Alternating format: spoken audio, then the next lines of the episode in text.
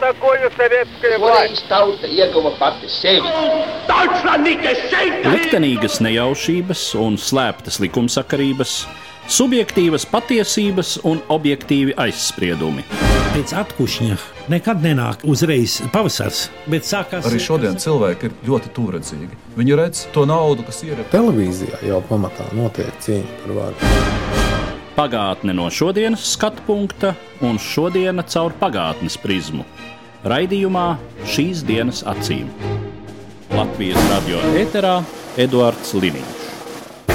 Labdien, cienījamie klausītāji! 1932. gadā notika notikums, kurš tā brīža Eiropietim varēja paslīdēt garām pat nepamanīts. Proti, Vācijas Reichstāga vēlēšanās kāda partija, kura līdz tam nebija lielākā, ieguva salīdzinoši lielu balsu skaitu, izveidodam lielāko frakciju šajā Vācijas tā brīža parlamentā.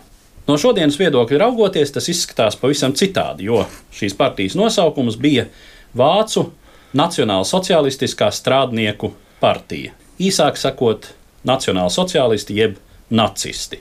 Mans šodienas sarunas biedrs ir Latvijas Universitātes profesors Ines Feldmanis. Labvakar. Labvakar. Tātad tas ir brīdis, kad nacisti tiek pie lielākā varas kumosa tā laika Vācijas parlamentā, un tobrīd Vācija vēl ir demokrātiska valsts, vismaz formāli, un jāsaka, iekampušies šajā te varas kumosā, nacisti to vairs vaļā nepalaiž. Līdz pat brīdim, kad tēlēni izsakoties ar automātu laidi izdauza zobus sabiedroto armijas. Jau 30. gada vēlēšanās Nacionāla sociālisti iegūst salīdzinoši daudz balsu, bet 30. gadā viņiem vēl ir uz pusi mazāk nekā sociāldemokrātiem un komunistiem kopā. 32. gadā nacisti iegūst 230 balsis parlamentā, kļūst par lielāko frakciju, un viņu frakcija ir apmēram tikpat liela, cik sociāldemokrātu un komunistu frakcijas kopā. Vispirms jau, protams, ja runa par demokrātiskām vēlēšanām, tad kas tad bija tie, kas balsoja par nacistiem? Kas bija viņu elektorāts? Jā, tas ir ļoti būtisks jautājums, jo rakstot par nacionālo sociālismu, par nacionālo sociālismu vēsturi, vēsturnieki vienmēr izvirza jautājumu, ļoti būtisku jautājumu, kā bija iespējams Hitlers. Nu, kā viņš varēja nākt pie varas? Nu, dabiski, ka nacistu partija nodrošināja sev šo lielo atbalstu esot demokrātiskai Vācijai. Un šeit jau arī izvirzās jautājums, no kā nacistiem izdevās kļūt par lielāko partiju. Nacisti šo pirmās partijas statusu saglabāja arī nākošās 32. gada novembra vēlēšanās, kaut gan viņi ieguva mazliet mazāk. Ja, ieguva 196 vietas, bet joprojām bija lielākā partija kā nacistiem izdevās kļūt par šo lielāko Vācijas partiju. Nu, vēstnieku atbildes, protams, ir dažādas, bet nu, kopumā dominē kādi trīs, četri tādi ļoti nozīmīgi momenti. Ja? Pirmkārt, vēsturnieki atzīmē, ka nacistu partijas augšupeja norisinājās tādā ļoti specifiskā situācijā Vācijā, proti, ka Vācijā bija ekonomiskā un sociālā krīze. Un gan arī katra vācu ģimene toreiz jutās sociāli apdraudēta. Augotos darbiniekus skāra bezdarbs vai darba algas samazināšana, bet amatnieki un tirgotāji zaudēja savus klientus. Plašs iedzīvotāju svāņus pārņēma nedrošības sajūta un pārņēma katastrofas noskaņojums, kas veicināja šo vēlētāju radikalizēšanos, un no šīs radikalizēšanās profitēja galvenokārt radikālie spēki. Profitēja nacisti un mazliet mazākā mērā profitēja arī Vācijas komunisti. Tas ir pirmais. Otrais. Nacistiem jāsaka, ka izdevās pakļaut savai ietekmei ļoti plašas masas ar perfekti pārdomātas propagandas palīdzību. Mēs jau zinām, ka nacistu rīcībā bija propagandas ģēnijs Jozefs Gebels, kuru arī dēvē par sarkanās Berlīnas maratu. Restīvi viņš pāris gados panāca to, ka Berlīna, kas vienmēr balsoja par sociāldemokrātiem, par komunistiem, sāka balsot par nacistiem. Ja vēl 30. gadā viena tā pati strādnieku kategorija balsoja varbūt par komunistiem vai sociāldemokrātiem, tad 32. gadā tie paši vēlētāji jau balsoja par nacistiem. Nu, tas arī parāda, ka starp radikāliem spēkiem, nesoties kādu viņu spārnu pārstāvju, ja, nu, vērojam tomēr tādu zināmu tuvību. Nu, nacisti ļoti prasmīgi izmanto ļoti dažādas propagandas, teiksim, kā presi, kino, masveida pasākums, ļoti dažādas propagandas metodas un paņēmiens. Visa nacista darbība parasti tiek iztēlota tā, Vai rastos iespējas, ka tieši nacisti ir vienīgie, kas nepārtraukti rūpējas par vācu tautas labklājību? Neatņemams un tāds pastāvīgs nacistu propagandas elements neapšaubām bija nacionālisms. Neviena cita partija neapelēja pie vāciešu nacionālā lepnuma, pie vāciešu nacionālām jūtām ar tādu spēku, ar tādu pārliecību, kā to darīja nacisti. Nacistiem nebija arī konkurenti iedarbīgas aģitācijas izvēršanā pret Veimāras republiku, pret Veimāras demokrātiju, pret marksismu un tā saucamiem vācu tautas ienaidniekiem. Pārākums par citām politiskām partijām e, nospiedoši kļūt tieši 1932. gadā. Kāpēc? 1932. gadā Vācijā ir vēlēšanu maratons. Vācijā 32. gada pavasarī notiek divas prezidenta vēlēšanas kārtas, ja, kurā Hitlers zaudē Hindenburgam. Jau, jau toreiz e, Hindenburgs otrais tiek ievēlēts par Vācijas prezidentu. Šajā 32. gadā notiek arī divas Reichstāga vēlēšanas, ja, un notiek vēl 11 landtāgu vēlēšanas. Un visas politiskie spēki bija pilnīgi izsīkuši. Un arī e, nacisti bija galīgi izsīkuši, ja viņiem faktiski partijas kasē vairs nebija ne feniņa novembrī, kā mm. Gēbels rakstīja savā dienas grāmatā. Pats galvenais tomēr neapšaubāmi, kas nodrošināja nacistiem panākums, ir Hitlera personība. Tajā laikā vāciešiem Hitlers šķita nebijuša lieluma politiķis. Hitlera pievilkšanas spēks lielā mērā balstījās uz to, ka viņš nacistu partijā jau kopš faktiski 20. gada sākuma bija Führers, kas visu noteica un visu izšķīra. Pēc ķēzara Vilhelma II atteikšanās pēc Pirmā pasaules kara, tad 18. gadā no troņa, vāciešiem vairs nebija tik ļoti nepieciešamā elka, nebija ļoti nepieciešamās autoritātes vai ako dievināta valdnieka. Savā laikā lielais Bismarks ir izteicies, ka vācieši ļoti cieši sauguši ar firstiem. Viņi nevar iedomāties, nu, ka viņiem nav tāda valdnieka, kuru viņi varētu apbrīnot. Un vācieši neapšaubām saistīja Hitlera oratoru talants. Die Gegner werfen uns Nationalsozialisten vor und mir insbesondere, dass wir intolerante, unverträgliche Menschen seien. Wir wollten, sagen sie, mit anderen Parteien nicht arbeiten. Ich habe hier eines zu erklären, die Herren haben ganz recht. Wir sind intolerant. Ich habe mir ein Ziel gestellt, nämlich die 30 Parteien aus Deutschland hinauszufegen. Sie verwechseln uns mit ihresgleichen selbst. Wir haben ein Ziel uns gewählt und verfechten es fanatisch, rücksichtslos bis ins Grab hinein. Mūsu oponenti pārmet mums, nacionālsociālistiem, un man jo īpaši netoleranci un ķildīgumu. Viņi saka, mēs nevēloties sadarboties ar citām partijām. Man jāatzīst viens. Šiem kungiem ir diezgan daudz taisnības. Mēs esam netoleranti. Es pats esmu sev stādījis mērķi izmēst no Vācijas visas šīs 30 politiskās partijas. Viņi maldās, ja uzskata mūs par sev līdzīgiem. Mums ir viens mērķis, un tam mēs sekosim fanātiski un neko nežēlojot, un līdz kapa malai.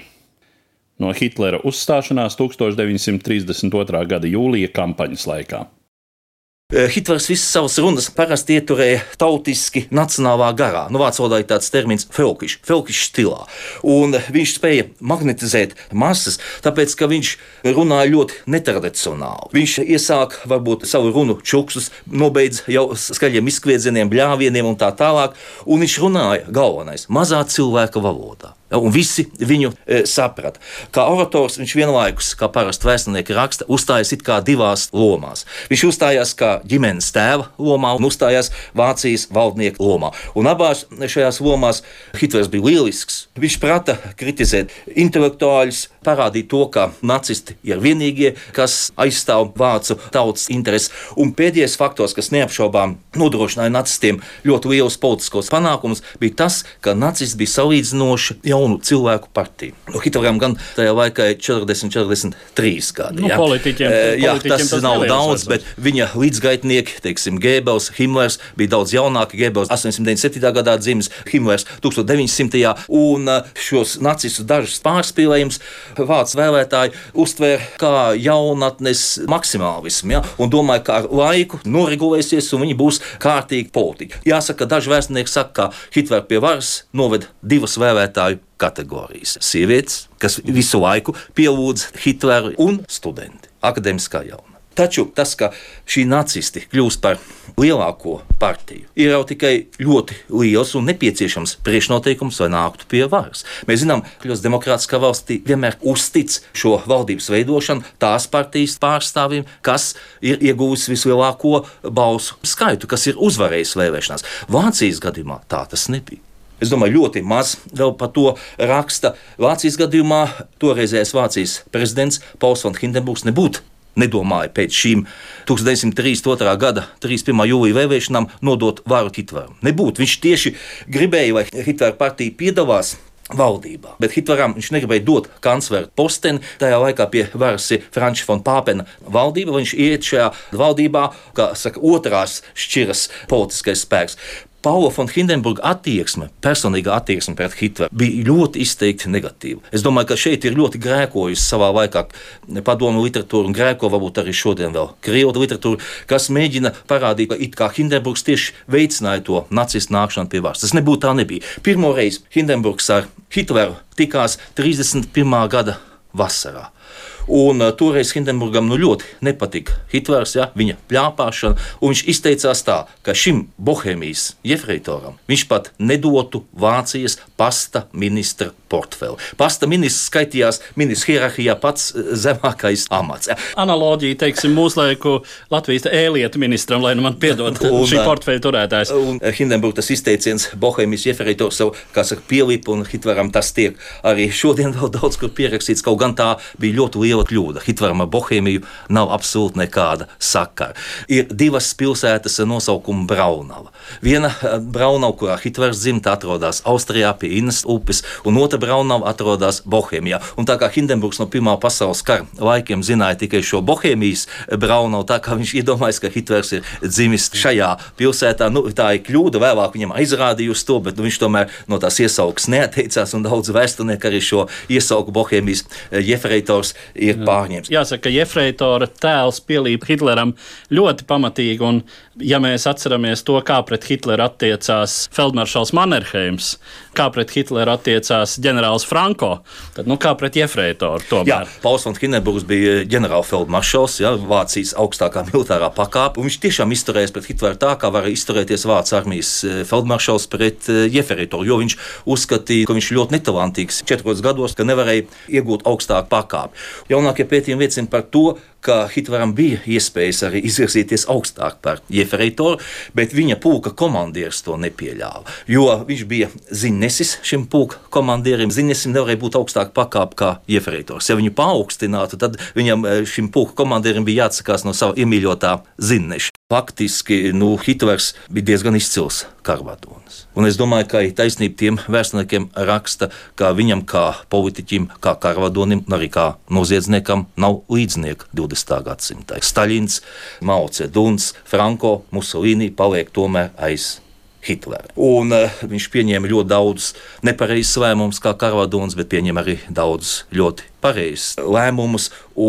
Viņam bija tāda atmiņas īpatnība, ko mēs saucam par eidētismu, ka viņš varēja visu atcerēties. Ja? Viņš pārsteidza visus ģenerāļus, visus feldmaršals ar savu unikālo atmiņu, ka viņš zināja, kādas vienības ir attiecīgā komandiera teiksim, rīcībā, kā viņas tiek apgādātas un tā tālāk. Un bieži vien tie ģenerāļi bija tik pārsteigti par viņa zināšanām, ka viņi no sākuma ieejot pie Hitlera gribēja panākt vienu, bet uzreiz nokļuva viņa varā un piekrita visiem viņa lēmumiem. Nu, mēs jau aizauļojām krietni krietni tālāk uz priekšu, un droši vien par Hitlera kara vadoņa talantiem un uh, arī vājumiem uh, mēs runāsim vēl daudzkārt šajā raidījumā, bet atgriežoties atpakaļ 1932. gadā. Interesants jautājums ir par to, kas arī šur tur parādās, nu, vācu vidusšķira. Arī mūsdienās vidusšķira ir joprojām politiski aktuāls uh, moments, un it sevišķi, ja mēs runājam par postsociālismu valstīm, bieži vien tiek runāts apmēram tādā veidā tonalitātē, ka tur, kur ir laba, spēcīga vidusšķira, tur politika ir stabila. ja? ja runā par 30. gadu Eiropu un, un ne tikai par Vāciju, tad izskatās, ka vidusšķiras loma ir bijusi diezgan nozīmīga šo totalitāro režīmu nākšanā pie varas. Jo vidusšķiras tieksme pēc stabilitātes tajā brīdī izpaužas kā varas nodošana tiem, kuri it kā sola stabilo, normālo attīstību, iespēju tātad dzīvot, strādāt, pirkt un patērēt. Jā, nu, protams, Vācijā ir ne tikai sociāla un ekonomiskā krīze, Vācijā šajā laikā ir arī politiskā krīze, parlamentārās demokrātijas krīze, kas jau izpaudās tajā apstākļī, ka Vācijā sākot ar 1903. gadu pie varas ir tās dēvētās prezidentālās valdības, ja prezidenta valdības. Ja tās ir valdības, kurām nav vajadzīgs vairākums Vācu uh, parlamentā. Šīm valdībām pietiek tikai ar Vācijas toreizējā prezidenta Paula von Hindenburga uzticību. Un tāpēc viņas arī sauc par prezidentālajām valdībām. Šādu valdību izveidošanu pieļāva Veimāras konstitūcija, pieļāva Veimāras konstitūcijas 48. pāns, pieļāva divus valdības veidošanas ceļus. Prezidenta valdības bija viens no šiem ceļiem. Paši vācieši teica, ka šis 48. pāns sadala Veimāras konstitūciju divās daļās. Viena daļa, kā viņi ironizēja tautā, tā bija daļa Šönes Vetter, tad skaistam laikam. Ja ir Vācijā viss normāli, tad eh, proti valsts valda tāda valdība, kam ir e, vairākums parlamentā. Un otra Vīmāras konstitūcijas daļa - tā ir Fir Šlehte Ceitn, sliktiem laikiem, tad, kad ir krīzes situācija, nu, tad lūk, var stāties spēkā šī 48. pantā ietvertā norma, ka prezidents var izveidot šīs prezidentālās valdības. Un no 30. gada marta Vācijā praktiski ir šīs prezidentālās valdības. Un šādas prezidentālo valdību esamība jau apliecina šo krīzes situāciju. Bet uh, Hindenburgs bija par to, ka Vācijā ir jāatgriežas pie vairākuma valdībām, un kad veda sarunas par to, varbūt nacistiem var dot arī varu, tad viens no galvenajiem noteikumiem, ko Hindenburgs izvirzīja, tomēr Hitleram, nacistiem, bija jautājums par to, vai viņi spēs radīt šādu vairākuma valdību. Bet es šeit gribētu atgriezties pie viena cita momenta, jo redziet, šie lielie panākumi vēlēšanās ir tikai pamats, viens no priekšnosacījumiem. Šeit bija ļoti daudz nejaušības, kas noveda Hitleru pie varas. Starp šīm nejaušībām es gribētu arī pieminēt tādu īpatnēju situāciju, kāda bija izveidojusies Vācijā 32. gadā Vācu parlamentā, Vācu Reistāgā. Un šī īpatnējā situācija arī spieda Hindenburgu nodot varu nacistiem. Un proti, ka Vācijas parlamentā bija izveidojies tā saucamais negatīvais vairākums. Tas nozīmē, ka Vācijas parlamentā eh, vairākums bija politiskām partijām, kuras noliedz Veimāras republiku. Tas ir nacionāls sociālistiem kopā ar komunistiem. Veimārs konstitūcijas 25. pāns Vācijas prezidentam deva tiesības vienmēr atlaist, cik reizes viņš grib parlamentu. Bet divas reizes viņš to bija 32. gadā izdarījis. Viņam nebija nekādas pārliecības, ka viņš tagad, pēc 32. Eh, gada novembra vēlēšanām, atkal atlaist parlamentu, kad šis negatīvais vairākums nebūtu. Jo Veimāras konstitūcijas 25. pāns prasīja, ja prezidents atlaiž parlamentu, 60 dienās jānotiek ir jaunām vēlēšanām. Līdz ar to Hindenburgam izvirzījās tā saucamā Hindenburga dilemma. Proti, būt uzticīgam konstitūcijai un laist nacistus pie varas kā stiprāko partiju. Tā ir viena alternatīva, ja? un otra alternatīva - pārkāpt konstitūciju, atlaist parlamentu un vairāk to 60 dienās. Nesasaukt, jo 60 dienās skaidrs, ka šajā parlamentā nekas nemainīsies. Un šī Hindenburga dilemma ir arī viens no tādiem ļoti nozīmīgiem faktoriem, ja, kas veicināja nacistu nākšanu pie varas. Un vēl viens ļoti interesants, es domāju, faktors, ka šī Vācijas vēsture 32. gadā nu, tā ir tik specifiska, tik īpatnēja. Vācu vēsturnieks Sebastians Hafners kādreiz ir rakstījis, ka šeit nav runa par vēsturi, ka tas, kas notiek Vācijā, 32. gada pēdējos mēnešos, tas ir aizraujošs romāns, tā ir greizsirdības drāma. Jo viss Vācijā toreiz, vai cik tas nešķistu dīvaini, bija atkarīgs 32. gada beigās no četru cilvēku savstarpējām attiecībām. Pirmais cilvēks, protams, ir Vācijas valsts prezidents Pauls von Hindenburgs. Otrais cilvēks ir neapšaubām nacistu līderis Ādams Hitlers. Trešais cilvēks ir Francis von Pāpens, kas vada valdību no 32. gada 1. jūnija līdz 32. gada novembra beigām. Un ceturtais cilvēks ir ģenerālis Kurts von Šleihers. Kas ir pēdējās valdības vadītājs pirms Hitlera nākšanas pie varas. Ģenerālis Kurs von Šleihers bija ļoti pazīstams politiķis. Viņu dēvē par Veimāras republikas spiritus rektoru, tas ir par pavēko kardinālu. Ilgu laiku bija galvenais prezidenta Hindenburga favorīts, nu, ausī čukstētājs. Viņš faktiski visu noteica Veimāras republikas pēdējos gados, tīpaši 20. gadu beigās un 30. gadu sākumā. Viņš arī izraudzījās 32. gada pavasarī par kancleru šo Franci von Pāpenu. Viņš neuzskatīja Šleihers par gudru politiķi. Pāpens bija pazīstams tā laika Vācijā, bet viņš bija pazīstama figūra kā modes Frants un eh, kā zirgu mīļotājs. Eh, Pāpens gan arī bija tā slavenā kluba biedrs. Vācijā saucās 300 klubs, kas apvienoja bagātākos Vācijas cilvēkus, bet tur viņš arī iegāja vairāk pateicoties savas sievas, kā radnieciskām saitēm. Eh, Šleihers domāja, ka Pāpens nav izcils politiķis un ka viņš varēs eh, caur Pāpenu vadīt Vāciju. Viņš kā pavēkais kardināls, kad viņam prasīja, kāpēc viņš tik neizteiksmīgu politiķu kā Pāpens ir izvirzīts Vācijas kanclera amatam, tad viņš ļoti ironiski atbildēja: Pāpenam nav vajadzīga galva, viņam pietiek ar hūti. Bet iznāca tomēr savādāk, ka Pāpens izrādījās nu, diezgan labs politiķis, un viņš izrādījās vēl veiklāks lielāks intrigants nekā ģenerālis Kurts von Šleihers, un viņš nobīdīja Kurtu von Šleiheru otrā plānā pie prezidenta Paula von Hindenburga. Proti, Pāpens Šleihera vietā kļuva par galveno Hindenburga favorītu, un Šleihers, protams, to nevarēja pārdzīvot, un viņš norganizēja 32. gada novembrī Pāpena valdības krišanu. Tad atkal savukārt Pāpens pārskaitās ja, un darīja visu, izmantojot savu ietekmi pie prezidenta, lai tiktu gāsta ģenerāļa Kurta von Šleihera valdība.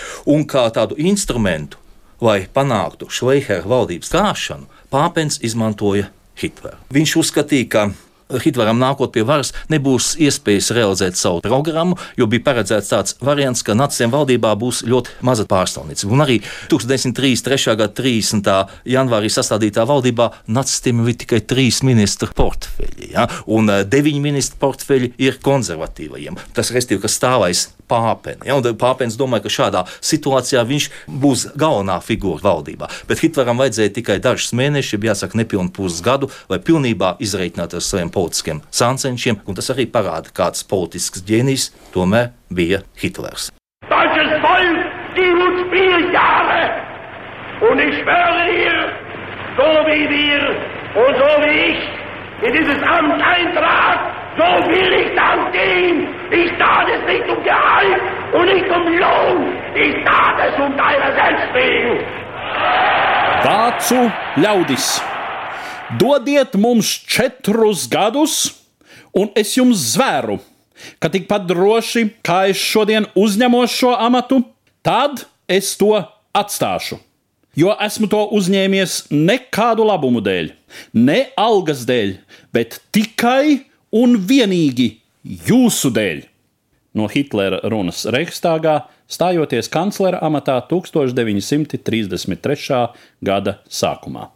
Jāsaka, Hitlers pats arī ļoti nebija pārliecināts, ka viņam izdosies nokļūt pie varas. Toreiz lielākais Berlīnas gaišriģis bija tāds Eriks Hanusens. Un eh, Hitlers arī pie šī gaišriģa griezās eh, jaungada naktī no 31. decembra uz 33. gada 1. janvāra ar jautājumu, vai man izdosies nokļūt pie varas. Un Hanusens viņam uzrakstīja tādu mazu zīmīti, ja, kas arī tagad saglabājusies Vācijas arhīvos, kurās bija divas tādas rindiņas, un danam tā Tag for Monātsende bez doma am Ziel un an der Wende. Dienu pirms mēneša beigām tu būsi pie mērķa un pie pagrieziena. Un eh, šeit varbūt ir svarīgs arī tas, ka Hitlers pats neticēja tam, viņš bija nu, šajā laikā nu, diezgan apmūsis, ja, un pat neticēja tai iespējai. Ļoti ilgi vēstures literatūrā bija izplatīts tāds viedoklis, nu, proti, ka Hindenburgs ieceļot Hitleru par reiskancleru, esot ievērojis vācu saimnieciskās elites prasím. Kādreiz krievu vēsturnieki teica, ka šeit galvenokārt Vācijas rūpnieciskā elite panāca to, ka Hindenburgs mainīja savu viedokli. Šodien ir tāds e, uzskats un ir pierādīts vēstures literatūrā, galvenokārt vācu vēstures literatūrā, ka tomēr Hitlera nākšana pie varas mazliet šī elite varbūt iespaidoja, bet tā nav rūpnieciskā elite. Tie ir lielie zemes īpašnieki. Hindenburgam bija ļoti daudz draugu lielo zemes īpašnieku vidū, un šie lielie zemes īpašnieki nevēlējās, lai Šleihera valdība izmeklētu tādu korupcijas lietu, kas saistīta ar valsts palīdzību lielajiem zemes īpašniekiem. Tuvinot mūsu sarunu noslēgumam, un jāsaka, mazliet skatoties un velkot tādas paralēlas. Runājot par dažādiem demokrātijas modeļiem. Šodien mums varbūt Veimāras republikas pieredze ir interesanta tajā ziņā, ka Latvijas satversme un Veimāras republikas konstitūcija ir viena laika produkti. Un šodien mēs dažkārt, domājot par šīs dienas Latvijas politiku, Un arī atceroties uh, 30. gadu Latviju ar visiem zināmo saima neiet. Meklējam, varbūt, kas tad mehānismos nav pareizi, kas tad demokrātijas procedūrā nav pareizi, kāpēc mums neiet šis un tas Latvijas dzīvē. Nu, jāsaka tā, ka pēc Otrā pasaules kara, runājot par Rietumvāciju, protams, kur tika būvēta tiesiska, demokrātiska valsts, Vācija neatgriežas pie Veimāras konstitūcijas. Vācija būvē citu modeli, diezgan atšķirīgu, un jāsaka, tuvāku starp citu Latvijas satversmes modelim, jo nav vairs šī prezidenta varas momenta. Prezidents ir ļoti salīdzinoši nomināla persona, gandrīz vai pilnvarās, un arī ievēlēšanas procedūrā līdzīgs Latvijas prezidentam, kāds tas bija jau Latvijas pirmās brīvvalsts laikā un ir joprojām. Domājot par to, ka nu šobrīd mums Latvijā ir, ir aktualizējies, varbūt mums vajag tautas vēlētu prezidentu, varbūt prezidentam vajag lielākas pilnvaras un tā tālāk. Un tā tālāk. Kā jūs komentētu nu, Vācijas Federatīvās Republikas konstitūcijas tēvu attieksmi pret Veimāras pieredzi no kā viņi atsakās un kāpēc? Ir vēsturnieki, kas uzskata, ka Veimāras konstitūcija ir pati demokrātiskākā konstitūcija, kas jebkad ir uzlikta uz papīra. Bet šeit arī tas, ka viņa tomēr tā varbūt nefunkcionēja, bet viņa ir izteikti demokrātiska. Vācijas Federatīvā republikā veidojot šo konstitūciju, ņēma vērā šīs Veimāras republikas konstitūcijas nepilnības. Un varbūt arī toreiz tas valdošais noskaņojums bija tā, ka tomēr šis paredzētais otrais izpildvaras centrs, respektīvi valsts prezidenta institūcija, ka tā ir tomēr nospēlējusi negatīvu lomu ja, šajā Hitlera nākšanā pie varas. Bet gan mēs redzējām, ka mēs tā dziļāk skatāmies nu, ka šeit ir daudz citu apstākļu, teiksim, pamatā. Ja? Bet nu, toreiz tā uztvēra, ka šī prezidenta institūcija nu, nav savu lomu līdz galam Latvijas tautas labā veikusi, nu, ka ir pieļauta tāda situācija, ka ir nācis pie varas tik radikāls eh, politisks spēks kā nacisms. Jo vienmēr jau konstitūcija faktiski pat eh, bija valsts prezidenta institūcija pacēlus pāri parlamentam. Nu, varbūt, Šādai sistēmai, kad ir vairāk šādi varas centri, ir parlaments, ir valsts prezidenta institūcija, nu, ir arī sava teiksim, pozitīva nozīme. Bet nu, tas jau laikam ir atkarīgs no tās politiskās situācijas, kāda ir eh, katrā valstī. Latvijā arī ir šīs diskusijas par to, ka vajadzētu šo visas valsts eh, vēlētu prezidentu. Nu, tas varbūt izraisās Latvijā saistībā ar to, ka mums tā liekas, ka tomēr tā prezidenta izraudzīšana ir pārāk šaura. Nu, protams, ka ja ir visas tautas vēlēts prezidents, viņam jābūt arī neapšaubām lielākām funkcijām, jau, jo viņam faktiski tiek deleģēta tāda pati vara kā parlamentam. Ja, jau vairs parlaments nevar būt virs, viņiem ir jābūt nu, tādiem vienādiem varas centriem, nozīmīguma un svarīguma ziņā. Es nezinu, vai Latvijai tas ir pats labākais ceļš. Nu, pašreiz jau mēs jau pieturamies pie tā varianta, kāds mums ir paredzēts eh, pēc Pirmā pasaules kara izstrādātajā satversmē, izstrādātajā konstitūcijā. Es droši vien kā tādu noslēdzošu secinājumu eh, mūsu sarunai par eh, notikumiem Vācijā 1932. gadā gribētu teikt, ka droši vien neviena tāda konkrēta detaļa demokrātijas sistēmā nav brīnuma līdzeklis, kas nodrošinās absolūti pozitīvu demokrātijas attīstību. Šī jūsu piesauktā tēze par to, ka Veimāras republikas konstitūcija ir pati demokrātiskākā, kāda jebkad ir uzrakstīta. Un taisnība sakot, vērojot to modeli uzlikt uz papīra, patiešām tā arī izskatās, jo perfekts varas centru līdzsvars, diemžēl, nav garantija pret nonākšanu pie pavisam nedemokrātiska, totalitāra, noziedzīga režīma. Tā kā laikam jau noteicošais nav viss modelis, bet gan tautas, ja tā var teikt, sabiedrības demokrātiskā apziņa un izpratne par procesu un gatavība un vēlēšanās šo demokrātiju uzturēt un nodrošināt. Protams, jums ir pilnīgi taisnība. Un to mēs visnotaļ varam mācīties no Vācijas pieredzes 1932. gadā, un, kā saka, likt aiz auss mūsu šodienas politiskajai praksē. Es pateicos par šo sarunu Latvijas Universitātes profesoram Inesim Feldmanim. Par pagātni sarunājas Eduards Līniju.